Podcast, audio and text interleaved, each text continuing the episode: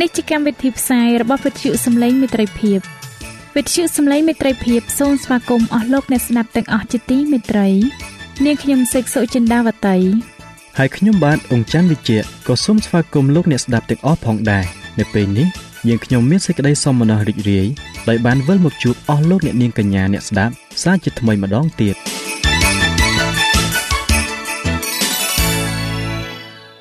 ចា៎លោកអ្នកស្ដាប់ជាទីមេត្រី នាងខ្ញុំសូមគោរពអញ្ជើញអស់លោកលោកស្រីអ្នកនាងកញ្ញាតាមដានស្ដាប់កម្មវិធីផ្សាយរបស់វិទ្យុយើងខ្ញុំដូចតទៅ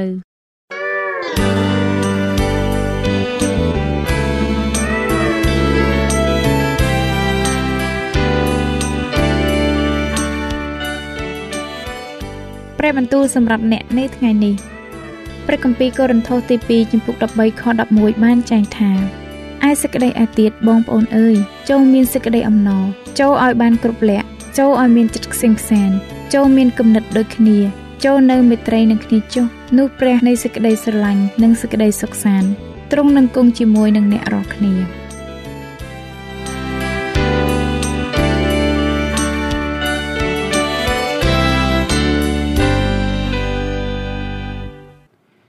បាទជាថ្មីម្ដងទៀតខ្ញុំបាទសូមគោរពនិងជម្រាបសួរដល់អស់លោកអ្នកដែលតែងតែ និយមតាមដាននិងចូលរួមសិក្សានៅមេរៀនសបាស្គូលប្រចាំសប្ដាហ៍ហើយមេរៀនសម្រាប់សប្ដាហ៍នេះមានចំណងជើងថាពូជពងរបស់លោកអាប់រ៉ាហាំសម្រាប់អស់លោកអ្នកដែលចង់បានមេរៀននេះប្រើប្រាស់នៅលើទូរស័ព្ទដៃ Android លោកអ្នកអាចទាញយកមេរៀននេះបាន តាមរយៈ Play Store ដោយវាយពាក្យថាខ្មែរសបាស្គូលមុននឹងខ្ញុំបាទជម្រាបជូននៅខ្លឹមសារនៃមេរៀននេះ ខ្ញុំបាទសូមគោរពអញ្ជើញអស់លោកអ្នកនាងបានពិចារណានៅចំណុចនិងសំណួរមួយចំនួន ដែលតាក់ទងទៅនឹងមេរៀននេះដូចតទៅនៅក្នុងព្រះគម្ពីរយើងឃើញថាមេដឹកនាំសាសនា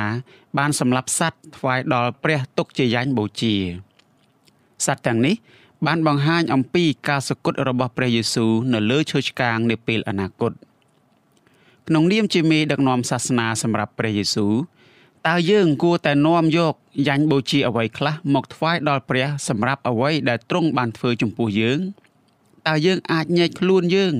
ចេញពីមនុស្សនៅលើផែនដីនេះនិងចែកចាយដំណឹងល្អដល់ពួកគេ ក្នុងពេលតែមួយបានដោយរបៀបណាតើបទពិសោធន៍របស់សាសអ៊ីស្រាអែល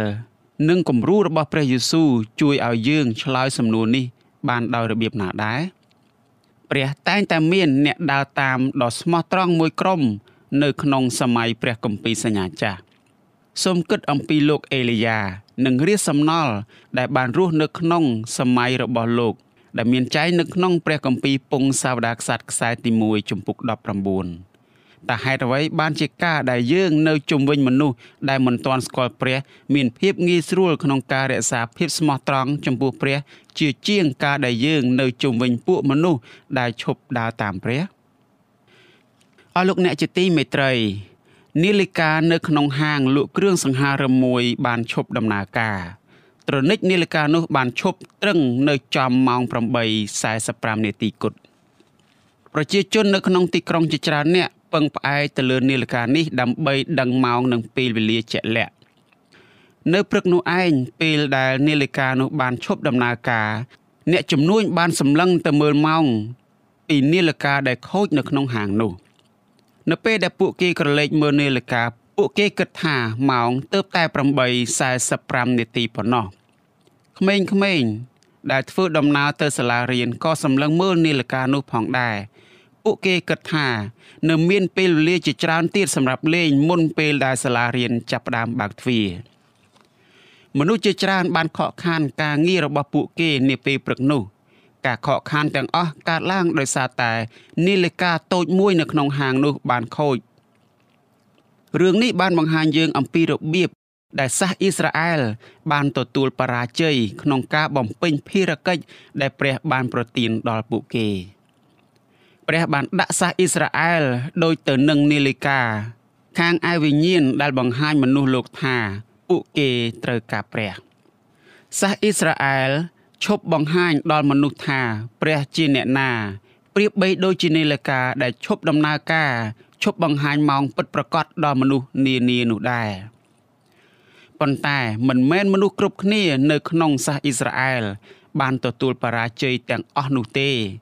ព្រះក៏មានអ្នកដែលនៅតែស្មោះត្រង់ចំពោះទ្រង់នៅពេលនោះផងដែរព្រះគម្ពីរចោទយកថា ជំពូក7ខ6បានចែងថាត្បិតឯងជាសះបរិសុទ្ធដល់ព្រះយេហូវ៉ាជាព្រះនៃឯងហើយព្រះយេហូវ៉ាជាព្រះនៃឯងទ្រង់បានរើសឯងឲ្យបានជារបស់ផងទ្រង់លើសជាងអស់ទាំងសះនៅលើផែនដីផងព្រះជាម្ចាស់បានជ្រើសតាំងសាសហេប្រឺឲ្យធ្វើរាជរបស់ផងទ្រង់ព្រះចង់ឲ្យរាជរបស់ទ្រង់បង្រៀនអ្នកដតីដែលនៅលើផែនដីនេះអំពីទ្រង់តើលោកអ្នកបានឃើញពាក្យថា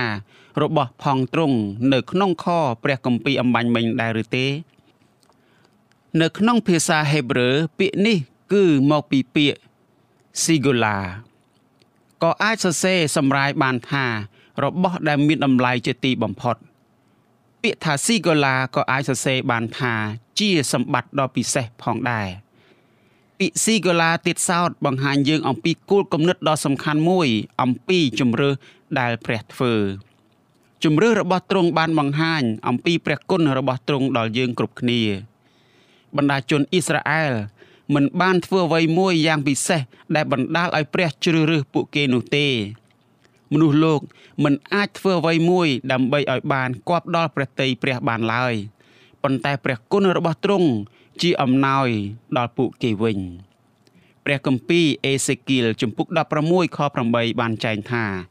គ្រានោះ កាលអញបានដើរតាមទីនោះមើលឯងនោះឃើញថាដល់ពេលស្រឡាញ់ហើយដូច្នេះអញបានយកជាយអាវអញគ្របលើឯងព្រមទាំងបិទបាំងសន្តានអាក្រាតរបស់ឯងអើអញបានស្បត់នឹងឯងហើយតាំងសញ្ញានឹងឯងផង នោះឯងបានត្រឡប់ជារបស់ផងអញនេះជាព្រះបន្ទូលនៃព្រះយេហូវ៉ាអរលោកអ្នកជាទីមេត្រីតើខនេះ ជួយបកស្រាយអំពីមូលហេតុដែលព្រះជាម្ចាស់ជ្រើសរើសយកសាសអ៊ីស្រាអែលបានយ៉ាងដូចម្ដេចហេតុអ្វីបានជាព្រះជាម្ចាស់ជ្រើសរើសយកសាសអ៊ីស្រាអែលឲ្យធ្វើជារាជរបស់ផងទ្រង់សាសអ៊ីស្រាអែលគ្រាន់តែជាសាសដ៏តូចមួយប៉ុណ្ណោះនៅលើផែនដីពួកគេក៏មិនល្បីឬសំខាន់នោះដែរ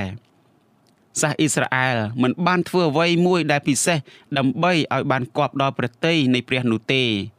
មូលហេតុដ៏ពិតសម្រាប់ការជ្រើសរើសនេះ គឺជាសេចក្តីស្រឡាញ់មកពីព្រះតែប៉ុណ្ណោះដោយសារតែសេចក្តីស្រឡាញ់នេះហើយព្រះបានរំដោះសាសអ៊ីស្រាអែលចេញពីភាពទាសករនៅឯប្រទេសអេស៊ីបសេរីភាពមួយនេះបង្ហាញដល់សាសអ៊ីស្រាអែលថាព្រះមានពោពេញទៅដោយអំណាចនិងឥទ្ធិឫទ្ធិសាសអ៊ីស្រាអែលត្រូវតែយល់អំពីរឿងគ្រប់យ៉ាងដែលព្រះបានធ្វើសម្រាប់ពួកគេ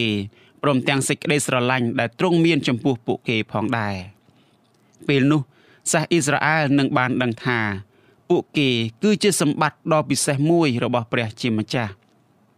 ព្រះគោរពស្រឡាញ់ដល់ពួកគេ ត្រង់នេះ គឺជាមូលហេតុដែលគួរឲ្យភ្ញាក់ផ្អើលនៅពេលដែលសាសអ៊ីស្រាអែលគិតអំពីការងាកចេញពីការធ្វើជារាជរបស់ព្រះជាម្ចាស់នោះអរលោកអ្នកជាទីមេត្រី ព្រះមានផែនការសម្រាប់ឲ្យសាសអ៊ីស្រាអែលคล้ายទៅជាមេដឹកនាំសាសនា និងស្ដេចដ៏ពិសេសរបស់ទ្រង់នៅលើផែនដីក្នុងនាមជាស្ដេចមានន័យថាសាសអ៊ីស្រាអែលត្រូវតែឈ្នះសង្គ្រាមប្រឆាំងទាស់នឹងអំពើបាប ដែលមានចែងនៅក្នុងព្រះគម្ពីរវិវរណៈជំពូក20ខ6ហើយក្នុងនាមជាមេដឹកនាំសាសនាមានន័យថា សាសអ៊ីស្រាអែលត្រូវតែលើកដំកើង និងថ្វាយដង្វាយដល់ទ្រង់ដែលជាព្រះនៃស្ថានសួគ៌ព្រះចង់ឲ្យសាសអ៊ីស្រាអែលធ្វើជាគំរូរបស់ទ្រង់នៅលើផែនដីនេះពេលនោះពួកគេនឹងអាចបង្ហាញដល់អ្នកដទៃអំពីព្រះ និងសេចក្តីពិត នៃព្រះគម្ពីររបស់ទ្រង់ព្រះបានសន្យានឹងលោកអាប់រ៉ាហាំព្រះនឹងប្រគល់ប្រទេសមួយឲ្យទៅកូនចៅចំនួនក្រោយរបស់លោកអាប់រ៉ាហាំប៉ុន្តែ ព្រះបានប្រាប់លោកអាប់រ៉ាហាំថាទាល់តែ400ឆ្នាំបានកន្លងផុតជាមុនសិននោះទើបកូនចៅចំនួនក្រោយរបស់លោកអាប់រ៉ាហាំអាចគ្រងទឹកដីនេះបាន ដែលមានចែងនៅក្នុងព្រះគម្ពីរលោកុបាទជំពូក15ខ13និងខ16ព្រះបានសន្យាបែបនេះម្ដងទៀតទៅកាន់លោកអ៊ីសានិងលោកយ៉ាកុបក្រោយមក លោកយូសែបបាននិយាយអំពីសេចក្តីសន្យាមុនដែលគាត់ហៀបនឹងផុតដង្ហើមទៅ ដែលមានចែងនៅក្នុងព្រះគម្ពីរលោកុបាទចំពុក50ខ24ព្រះបានចាប់ផ្ដើមរក្សាសេចក្តីសន្យារបស់ទ្រង់ដល់សាសអ៊ីស្រាអែលនៅក្នុងសម័យលោកម៉ូសេនិងលោកយូស្វេលោកម៉ូសេបានប្រាប់អំពីសេចក្តីបង្គាប់របស់ព្រះដល់សាសអ៊ីស្រាអែលដែលមានចែងនៅក្នុងព្រះគម្ពីរចោទយកថា ជំពូក1ខ8យ៉ាងដូចនេះថាមើល អញបានប្រគល់ស្រុកនោះឲ្យឯងរាល់គ្នាហើយដូច្នេះឲ្យចូលទៅទទួលយកស្រុកដែលព្រះយេហូវ៉ាបានស្បត់ថានឹងឲ្យដល់ពួកអាយកោឯងរាល់គ្នា គឺថានឹងឲ្យដល់អាប់រ៉ាហាំអ៊ីសាកនិងយ៉ាកុបហើយនឹងពូជដំណរលោកតទៅរីឯនៅក្នុងព្រះគម្ពីរចោទយកថាចំពុក28ខ1ក៏បានចែងដែរថាបើសិនជាខំប្រឹងស្ដាប់ តាមព្រះបន្ទូលនៃព្រះយេហូវ៉ាជាព្រះនៃឯងឲ្យអស់អំពីចិត្តព្រមទាំងប្រយ័ត្ននិងប្រព្រឹត្តតាមអស់ទាំងបញ្ញត្តិទ្រង់ដែលអញបង្គាប់ដល់ឯងនៅថ្ងៃនេះ នោះព្រះយេហូវ៉ាជាព្រះនៃឯងទ្រង់នឹងលើកឯងឡើងជាខ្ពស់លើសជាងអស់ទាំងសះនៅផែនដីទាំងប៉ុន្មានរីឯខ15ក៏បានចែងបន្តទៀតថា ប៉ុន្តែបើមិនព្រមស្ដាប់តាមព្រះបន្ទូលនៃព្រះយេហូវ៉ាជាព្រះនៃឯងហើយមិនប្រយ័ត្ននិងប្រព្រឹត្តតាមគ្រប់ទាំងសេចក្តីបញ្ញត្តិនិងច្បាប់ទាំងប៉ុន្មានរបស់ទ្រង់ដែលអញបង្គាប់ដល់ឯងនៅថ្ងៃនេះទេនោះអស់ទាំងសេចក្តីបណ្ដាសាទាំងនេះនឹងផ្សាយមកលើឯង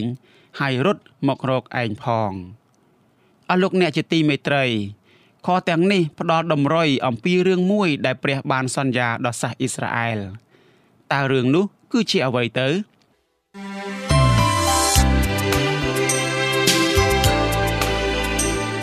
សេចក្តីជំនឿកើតឡើងដោយលឺហើយដែលលឺនោះគឺដោយសារព្រះបន្ទូលនៃព្រះ តាមរយៈវិទ្យុសំឡេងមិត្តភាព AWR អស់លោកអ្នកជាទីមេត្រីចម្លើយគឺថា ព្រះនឹងប្រគល់ទឹកដីដល់សាសអ៊ីស្រាអែលទុកជាផ្នែកមួយនៃសេចក្តីសញ្ញាសេចក្តីសញ្ញាមួយនេះបង្ហាញយើងថា មនុស្សទាំងអស់នៅក្នុងសេចក្តីសញ្ញានេះត្រូវតែបំពេញផ្នែករបស់ពួកគេតើសាសអ៊ីស្រាអែលត្រូវធ្វើអ្វីខ្លះនៅក្នុងផ្នែកនៃសេចក្តីសញ្ញានេះអស់លោកអ្នកជាទីមេត្រី ផ្នែកទី1នៃបទគម្ពីរចោទយកថាជំពូក28បានបង្ហាញយើងអំពីព្រះពរដែលព្រះនឹងប្រទានដល់សាសអ៊ីស្រាអែលប្រសិនបើពួកគេធ្វើតាមផែនការរបស់ទ្រង់នោះផ្នែកចុងក្រោយនៃជំពូកដដែលនេះបានបង្ហាញយើងអំពីអ្វីដែលនឹងត្រូវកើតឡើងដល់សាសអ៊ីស្រាអែលប្រសិនបើពួកគេមិនបានធ្វើតាមទ្រង់នោះទេព្រះនឹងបណ្ដោយ ឲ្យបណ្ដាសាកើតមានដល់ពួកគេជាក់ជាមិនខានបណ្ដាសាទាំងនេះកើតឡើងភាកច្រើនដោយសារតែសាសអ៊ីស្រាអែលបានធ្វើបាបទាស់នឹងព្រះយេហូវ៉ាព្រះបានបណ្ដោយឲ្យអំពើបាបកើតឡើងរហូតដល់វាคล้ายទៅជាបណ្ដាសាដល់រាជរបស់ទ្រង់បន្ទាប់មករាជរបស់ទ្រង់នឹងអាចមើលឃើញថាអំពើបាបអាក្រក់ប៉ុណ្ណា អ្នកណាដែលព្រោះខាងឯសាច់ឈាមរបស់ខ្លួន នឹងច្រូតបានសេចក្តីពុករលួយពីសាច់ឈាមនោះឯងតែអ្នកណាដែលព្រោះខាងឯវិញ្ញាណនោះនឹងច្រូតបានជីវិតអស់កលជានិច្ចពីព្រះវិញ្ញាណវិញសេចក្តីនេះមានចែងនៅក្នុងព្រះគម្ពីរកាឡាទីជំពូក6ខ8អរលោកអ្នកជាទីមេត្រីអំពើបាបប្រៀបបីដូចជានាឡិកា និងដើមឈើដូច្នោះដែរទឹកនឹងធ្លាក់ចុះពីលើភ្នំ ហើយមិនឈប់ឡើយដរាបណាវាទៅដល់កន្លែងដែលមានផ្ទៃរាបទាបបំផុតនាឡិកានឹងមិនឈប់វើឡើយរហូតដល់ថ្មរបស់វាអស់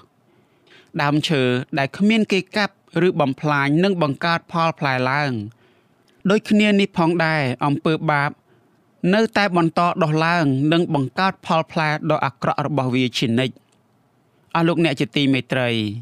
ព្រះបានសន្យាជាច្រើនដងថានឹងប្រគល់ទឹកដីមួយដល់សាសអ៊ីស្រាអែលទុកជាផ្នែកមួយនៃសេចក្តីសញ្ញារបស់ទ្រង់ប៉ុន្តែសាសអ៊ីស្រាអែលត្រូវតែរក្សាផ្នែកនៃសេចក្តីសញ្ញារបស់ពួកគេផងដែរប្រសិនបើមិនបានរក្សាសេចក្តីសញ្ញានោះទេ នោះព្រះមិនអាចរក្សាសេចក្តីសន្យារបស់ទ្រង់ចំពោះពួកគេនោះទេព្រះជាម្ចាស់បានដាស់តឿនដល់រាជអ៊ីស្រាអែល អំពីអ្វីដែលនឹងត្រូវកើតឡើង ប្រសិនបើពួកគេមិនស្ដាប់បង្គាប់ទ្រង់លោកអ្នកអាចអានបន្ថែមនៅក្នុងព្រះគម្ពីរលេវីវិន័យជំពូក26ខ27ដល់ខ33ការដាស់តឿនបានបង្ហាញច្បាស់លាស់ណាស់ព្រះនឹងដកទឹកដីចេញពីរាជរបស់ទ្រង់ព្រះគម្ពីរយេរេមៀជំពូក11ខ8បានចែងថា តែគេមិនបានស្ដាប់តាមទេ ក៏មិនបានផ្ទៀងត្រចៀកផងក៏បានប្រព្រឹត្តតាមតែសេចក្តីរឹងចចេះនៅក្នុងចិត្តអាក្រក់របស់គេរៀងខ្លួនវិញហេតុនោះអញបាននាំគ្រប់ទាំងពាក្យនៃសេចក្តីសញ្ញានេះមកលើគេ គឺជាសេចក្តីដែលអញបានបង្គាប់ឲ្យគេប្រព្រឹត្តតាម តែគេមិនបានប្រព្រឹត្តតាមសោះព្រះជាម្ចាស់ទ្រង់មានបន្ទូលថាទ្រង់នឹងនាំគ្រប់ទាំងពាក្យនៃសេចក្តីសញ្ញានេះមកលើគេ តាមដែលព្រមព្រៀងទុក យើងតែងតែចាត់ទុកសេចក្តីសញ្ញាថា ជាអ្វីមួយដែលផ្ដល់តែអ្វីអ្វីដែលល្អដល់យើងមែនទេប៉ុន្តែសេចក្តីសញ្ញាមានចំណុចវិជ្ជមាន និងអវិជ្ជមាន យើងឃើញក្បួនច្បាប់ដ៏សំខាន់ដូចគ្នានេះនៅក្នុងសេចក្តីសញ្ញា ជាមួយនឹងលោកណូអេព្រះបានជួយឲ្យលោកណូអេរួចផុតពីទឹកជំនន់ប៉ុន្តែលោកណូអេត្រូវតែស្ដាប់បង្គាប់ដល់ព្រះ ពេលនោះលោកណូអេនឹងទទួលបានព្រះពរចេញពីសេចក្តីសញ្ញានេះប៉ុន្តែប្រសិនបើលោកណូអេមិនធ្វើតាមព្រះវិញទេនោះតើនឹងមានអ្វីកើតឡើងពេលនោះរឿងអាក្រក់អាក្រក់នឹងកើតឡើងដល់លោកព្រមទាំងក្រុមគ្រួសាររបស់លោកជាក់ជាមិនខានគួរឲ្យសោកស្ដាយណាស់ព្រះគម្ពីរបានបង្ហាញយើងថាសាសអ៊ីស្រាអែលតែងតែមិនស្ដាប់បង្គាប់ដល់ព្រះម្ល៉េះហើយព្រះបានដាក់ទោសដល់ពួកគេ ការដាក់ទោសរបស់ទ្រង់បានជំរុញឲ្យសាសអ៊ីស្រាអែលងាកចេញពីអំពើបាប ដែលគេកំពុងតែឆ្លក់វង្វេងពួកគេបានស្ដាប់បង្គាប់ព្រះ បានមួយរយៈពេលខ្លីប៉ុន្តែក្រោយមកទៀតពួកគេក៏បានធ្វើបាបងាកចេញពីទ្រង់ទៀតដដែល មានតែនៅសម័យរបស់ស្ដេចដាវីតនិងស្ដេចសាឡូមោនតែប៉ុណ្ណោះទេ ដែលសាសអ៊ីស្រាអែលបានគ្រប់គ្រងទឹកដីទាំងអស់ដែលព្រះបានសន្យាឲ្យពួកគេ ប៉ុន្តែវាគ្រាន់តែជារយៈពេលដ៏ខ្លីមួយតែប៉ុណ្ណោះលោកយេរេមៀបានបង្ហាញយើងអំពីរបៀបដែលរាជរបស់ព្រះ បានងាកចេញពីទ្រង់ថា បើមនុស្សណាលះលែងប្រពន្ធហើយនាងបានចេញពីអ្នកនោះ ទៅធ្វើជាប្រពន្ធរបស់អ្នកដតីណា នោះតើដែលត្រឡប់ទៅនៅជាមួយនឹងនាងនោះទៀតដែរឬតើស្រុកយ៉ាងណានោះមិនត្រូវអាប់អោនជាខ្លាំងទេឬអី ឯឯងវិញឯងបានផិតអញដោយមានសហាយជាច្រើនប៉ុន្តែចូលត្រឡប់មកឯអញវិញចុះសេចក្តីនេះមានចែងនៅក្នុងព្រះគម្ពីរយេរេមៀជំពូក3ខ1ខនេះបានបង្ហាញយើងថាព្រះទ្រង់ចង់មានទំនាក់ទំនងយ៉ាងជិតស្និទ្ធដោយផ្ទាល់ជាមួយនឹងរាជរបស់ទ្រង់សេចក្តីសញ្ញាប្រៀបបីដូចជាចំណងអាពាហ៍ពិពាហ៍ដូច្នោះដែរនោះ គឺជាមូលហេតុដែលព្រះប្រើអាពាហ៍ពិពាហ៍ជារូបស័ព្ទនៃទំនាក់ទំនងដ៏ពិសេស។ត្រង់នេះបង្ហាញយើងអំពីហេតុផលដែលសាសអ៊ីស្រាអែលបានងាកចេញពីព្រះពួកគេបានបំផ្លាញទំនាក់ទំនងនៃសេចក្តីស្រឡាញ់របស់ពួកគេជាមួយនឹងទ្រង់សម្ព័ន្ធមេត្រីដែលត្រូវបានខូចបង់នេះបានបណ្ដាលឲ្យពួកគេមិនស្ដាប់បង្គាប់ទ្រង់ការមិនស្ដាប់បង្គាប់របស់ពួកគេនៅទីបំផុតបណ្ដាលឲ្យព្រះបានដាក់ ទោសដល់ពួកគេព្រះមានផែនការសម្រាប់សាសអ៊ីស្រាអែលប៉ុន្តែព្រះមិនបានប្រទានពរយ៉ាងពេញលេញដល់រាជរបស់ទ្រង់នោះទេ ដោយសារតែពួកគេមិនបានស្ដាប់បង្គាប់ដល់ទ្រង់ទន្ទឹមនឹងនេះផែនការរបស់ព្រះ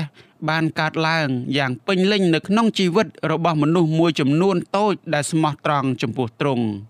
ក្រុមតូចមួយនេះត្រូវបានគេហៅថាជារាជសំណល់ រាជសំណល់គឺជាផ្នែកមួយ នៃក្រណាត់ដែលនៅសេសសល់ពីដុំក្រណាត់ទាំងមូលរាសសំណល់ក៏ជារូបស័ព្ទមួយបង្ហាញយើងអំពីមនុស្សមួយក្រុមតូចនៅក្នុងព្រះគម្ពីរដែលស្មោះត្រង់ចំពោះព្រះ ក្រុមតូចមួយនេះ គឺជាសំណល់ដែលចេញពីក្រុមធំមកព្រះតែងតែមានរាសសំណល់ដែលទ្រង់បានត្រាស់ហៅចេញពីក្រុមធំឲ្យធ្វើជារាសរបស់ទ្រង់ជានិច្ចក្រុមធំបាននិយាយថា ពួកគេស្រឡាញ់ព្រះ និងស្មោះត្រង់ចំពោះទ្រង់ប៉ុន្តែចិត្តរបស់ពួកគេមិនស្មោះត្រង់ឡើយជីវិតរបស់ពួកគេបានបង្ហាញយ៉ាងដូចនេះរាសសំណល់ដែលព្រះបានជ្រើសតាំងមានសេចក្តីស្មោះត្រង់ចំពោះព្រះជានិច្ចព្រះមានផែនការដូចគ្នាសម្រាប់ក្រុមតូចមួយនេះដូចជាទ្រង់មានសម្រាប់សាសអ៊ីស្រាអែលទាំងមូលដែរទ្រង់ចង់ឲ្យពួកគេប្រកាសដល់អ្នកដទៃអំពីសេចក្តីពិតនៃព្រះគម្ពីរ ទ្រង់ឲ្យពួកគេ តាំងទីសម្គាល់មួយ នៅកណ្ដាលពួកគេដោយដែលមានចែងនៅក្នុងព្រះគម្ពីរអេសាយជំពូក66ខ19ដូច្នោះដែរបន្ទាប់មក អ្នកដតីនឹងចោះចូលជាមួយសាសអ៊ីស្រាអែលនៅពេលដែលពួកគេថ្វាយបង្គំដល់ស្ដេច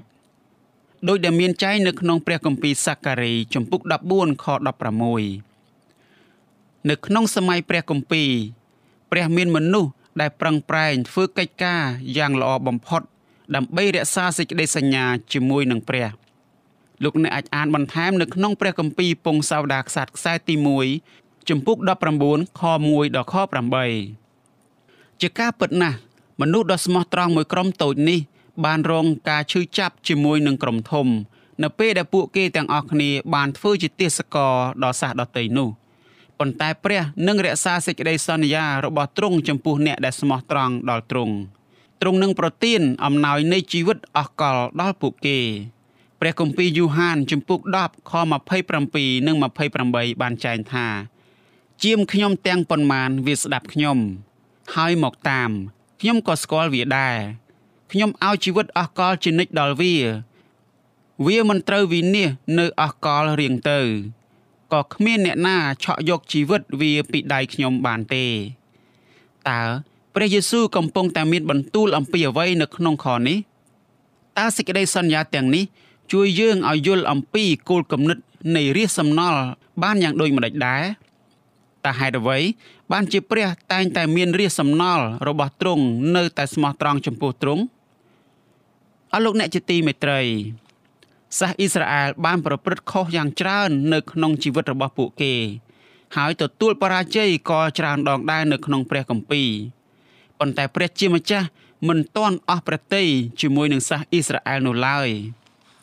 ទ្រង់មិនទាន់លះបង់ផែនការនៃការចង់បានមនុស្សស្មោះត្រង់មួយក្រុមដែលបម្រើទ្រង់នោះឡើយព្រះគម្ពីរសញ្ញាចាស់បានចែងអំពីសម័យអនាគត នៅពេលដែលព្រះមានក្រុមដ៏ស្មោះត្រង់មួយនេះ ក្រុមនេះត្រូវបានហៅថាជាអ៊ីស្រាអែលខាងឯវិញ្ញាណអ៊ីស្រាអែលខាងឯវិញ្ញាណត្រូវបានបង្កើតឡើង ដោយសាសយូដានិងសាសដតីសាសដ៏ស្មោះត្រង់រួមគ្នាទាំងនេះនឹងចែកចាយដំណឹងល្អអំពីព្រះយេស៊ូវនៅគ្រប់ទីកន្លែងនៅលើផែនដីទាំងមូលក្រុមនេះត្រូវបានគេហៅថាពួកជំនុំដំបង នៅក្នុងសម័យគម្ពីរសញ្ញាថ្មីព្រះបានសន្យាថានឹងប្រគល់ទឹកដីដល់លោកអាប់រ៉ាហាំនិងពូជពងរបស់លោក អំណោយនេះមិនគ្រាន់តែសំដៅទៅលើទឹកដីកាណានប៉ុណ្ណោះនោះទេ តែក៏សំដៅទៅលើផែនដីទាំងមូល នោះគឺជាមូលហេតុដែលលោកប៉ុលបានមានប្រសាសន៍ថាត្បិតសេចក្តីសន្យាដល់លោកអាប់រ៉ាហាំនិងពូជពងលោកឲ្យបានលោកីនេះជាមរតក នោះមិនមែនដោយសារក្រឹតវិន័យទេ គឺដោយសារសេចក្តីសុចរិតដែលមកដោយសេចក្តីជំនឿវិញសេចក្តីនេះមានចែងនៅក្នុងព្រះគម្ពីររ៉ូមជំពូក4ខ13ព្រះគម្ពីរបានបង្រៀនថាព្រះនឹងរក្សាសេចក្តីសន្យារបស់ទ្រង់ចំពោះលោកអាប់រ៉ាហាំយើងនឹងទទួលបានអំណោយនៃជីវិតអស់កលតាមលោកពេត្រុសដែលលោកបានមានប្រសាសន៍នៅក្នុងព្រះគម្ពីរពេត្រុសខ្សែទី1ចំពុក1ខ4 ព្រមទាំងផែនដីដែលគ្មានអំពើបាបតាមរយៈព្រះយេស៊ូវគ្រីស្ទសេចក្តីសន្យានេះនឹងកើតមានយ៉ាងពេញលេញនៅពេលដែលរាជសំណល់រស់នៅលើផែនដីនេះជារៀងរហូតជាមួយនឹងព្រះយេស៊ូវគ្រីស្ទដោយដែលមានចែងនៅក្នុងព្រះគម្ពីរដានីយ៉ែលចំពុក7ខ27អរលោកអ្នកជាទីមេត្រីតាមរយៈសេភៅពួកហោរានិងស្ដេចអ្នកស្រី Ellen G. White បានលើកឡើងថា នៅក្នុងព្រះនេតរបស់ព្រះ យើងទាំងអស់គ្នាគឺដូចគ្នាទ្រង់មិនបានឲ្យតម្លៃមនុស្សមួយចំនួនប្រសើរជាងអ្នកដទៃដោយសារតែពួកគេបានប្រាក់ច្រើនឬកើតនៅកន្លែងដ៏ពិសេសឬគ្រួសារមានមុខមាត់នោះទេព្រះបានបង្កើតមនុស្សគ្រប់គ្នាម្ល៉េះហើយយើងទាំងអស់គ្នាគឺជាគ្រួសារតែមួយព្រះយេស៊ូវបានយាងមកបំផ្លាញគ្រប់ទាំងកំផែងនៃការខណ្ឌចែក ព្រះយេស៊ូវបានយាង ទៅបើករោងអបោសុតនៅឯស្ថានសួគ៌ទ្រង់ចង់ឲ្យមនុស្សគ្រប់គ្នា ចូលមកឯព្រះដោយស្ម័គ្រពីចិត្តសេចក្តីស្រឡាញ់របស់ទ្រង់ធំធេងនិងជ្រាលជ្រៅព្រមទាំងគ្រប់លក្ខណៈសេចក្តីស្រឡាញ់របស់ទ្រង់អាចជ្រាបចូលដល់មនុស្សគ្រប់គ្នា មិនថាគេជាអ្នកណានោះទេសេចក្តីស្រឡាញ់របស់ព្រះយេស៊ូវអាចរំដោះមនុស្សលោកឲ្យរួចផុតពីមារសាតាំង ដែលពួកគេត្រូវបានបោកបញ្ឆោតដោយការកុហកវក់វីរបស់វាព្រះយេស៊ូវអាចជួយពួកគេឲ្យពួកគេបានចូលមកចិត្តបល្ល័ង្ករបស់ព្រះបល្ល័ង្កនេះហុំព័ទ្ធទៅដោយអន្តនូនៅជុំវិញអន្តនូនេះបង្ហាញយើងថា ព្រះនឹងរក្សាសេចក្តីសញ្ញារបស់ទ្រង់នៅក្នុងព្រះយេស៊ូវយើងទាំងអស់គ្នាគឺស្មើគ្នាទាំងអស់សាសយូដាមិនខុសពីសាសដតីនោះឡើយ ទេសកលក៏មិនខុសគ្នាពីអ្នកដែលមានសេរីភាពនោះដែរព្រះគម្ពីរពេត្រុសខ្សែទី1ចំពុក2ខ9បានចែងថា តែអ្នករាល់គ្នាជាពូជជ្រើសរើសជាពួកសង្ឃលួង ជាសាសបរិសុទ្ធជារាជដ៏ជាកេរអាករនៃព្រះ ដើម្បីឲ្យអ្នករាល់គ្នាបានសម្ដែងចេញឲ្យឃើញអស់ទាំងលក្ខណៈរបស់ព្រះ ដែលទ្រង់បានហៅអ្នករាល់គ្នាចេញពីសេចក្តីងងឹតមកក្នុងពន្លឺអស្ចារ្យរបស់ទ្រង់អ ស់លោកអ្នកជាទីមេត្រីសូមឲ្យអស់លោកអ្នកបានចម្រើនឡើងនៅក្នុងព្រះគុណនិងការស្ដាប់បង្គាប់ព្រះយេស៊ូវគ្រីស្ទជាព្រះអម្ចាស់និងជាព្រះសង្គ្រោះកាន់តែខ្លាំងឡើងជារៀងរាល់ថ្ងៃមុននឹងខ្ញុំបាទបញ្ចប់នៅមេរៀននេះខ្ញុំបាទសូមលើកយកនៅខ1មកអានជូនដល់អស់លោកអ្នកទាំងអស់គ្នាដែលខព្រះគម្ពីរនេះគឺខ្ញុំបានលើកយកពីខព្រះគម្ពីរពេត្រុសខ្សែទី1ជំពូក2ខ9ដែលបានចែងថា តែអ្នករាល់គ្នាជាពូជជ្រើសរើស ជាពួកសង្ឃលួង ជាសាសបរិសុទ្ធជារាជជាគេអាករនៃព្រះ ដើម្បីឲ្យអ្នករាល់គ្នាបានសម្ដែងចេញឲ្យឃើញអស់ទាំងលក្ខណៈរបស់ព្រះ ដែលទ្រង់បានហៅអ្នករាល់គ្នាចេញពីសេចក្តីងងឹតមកក្នុងពន្លឺអស្ចារ្យរបស់ទ្រង់សូមព្រះជាម្ចាស់ប្រទាននូវសេចក្តីសុខសាន្តនិងសេចក្តីមេត្តាករុណាដល់អស់លោកអ្នកដែលអនុវត្តតាមការបង្គាប់របស់ទ្រង់នៅក្នុងខនេះអាមែន វិ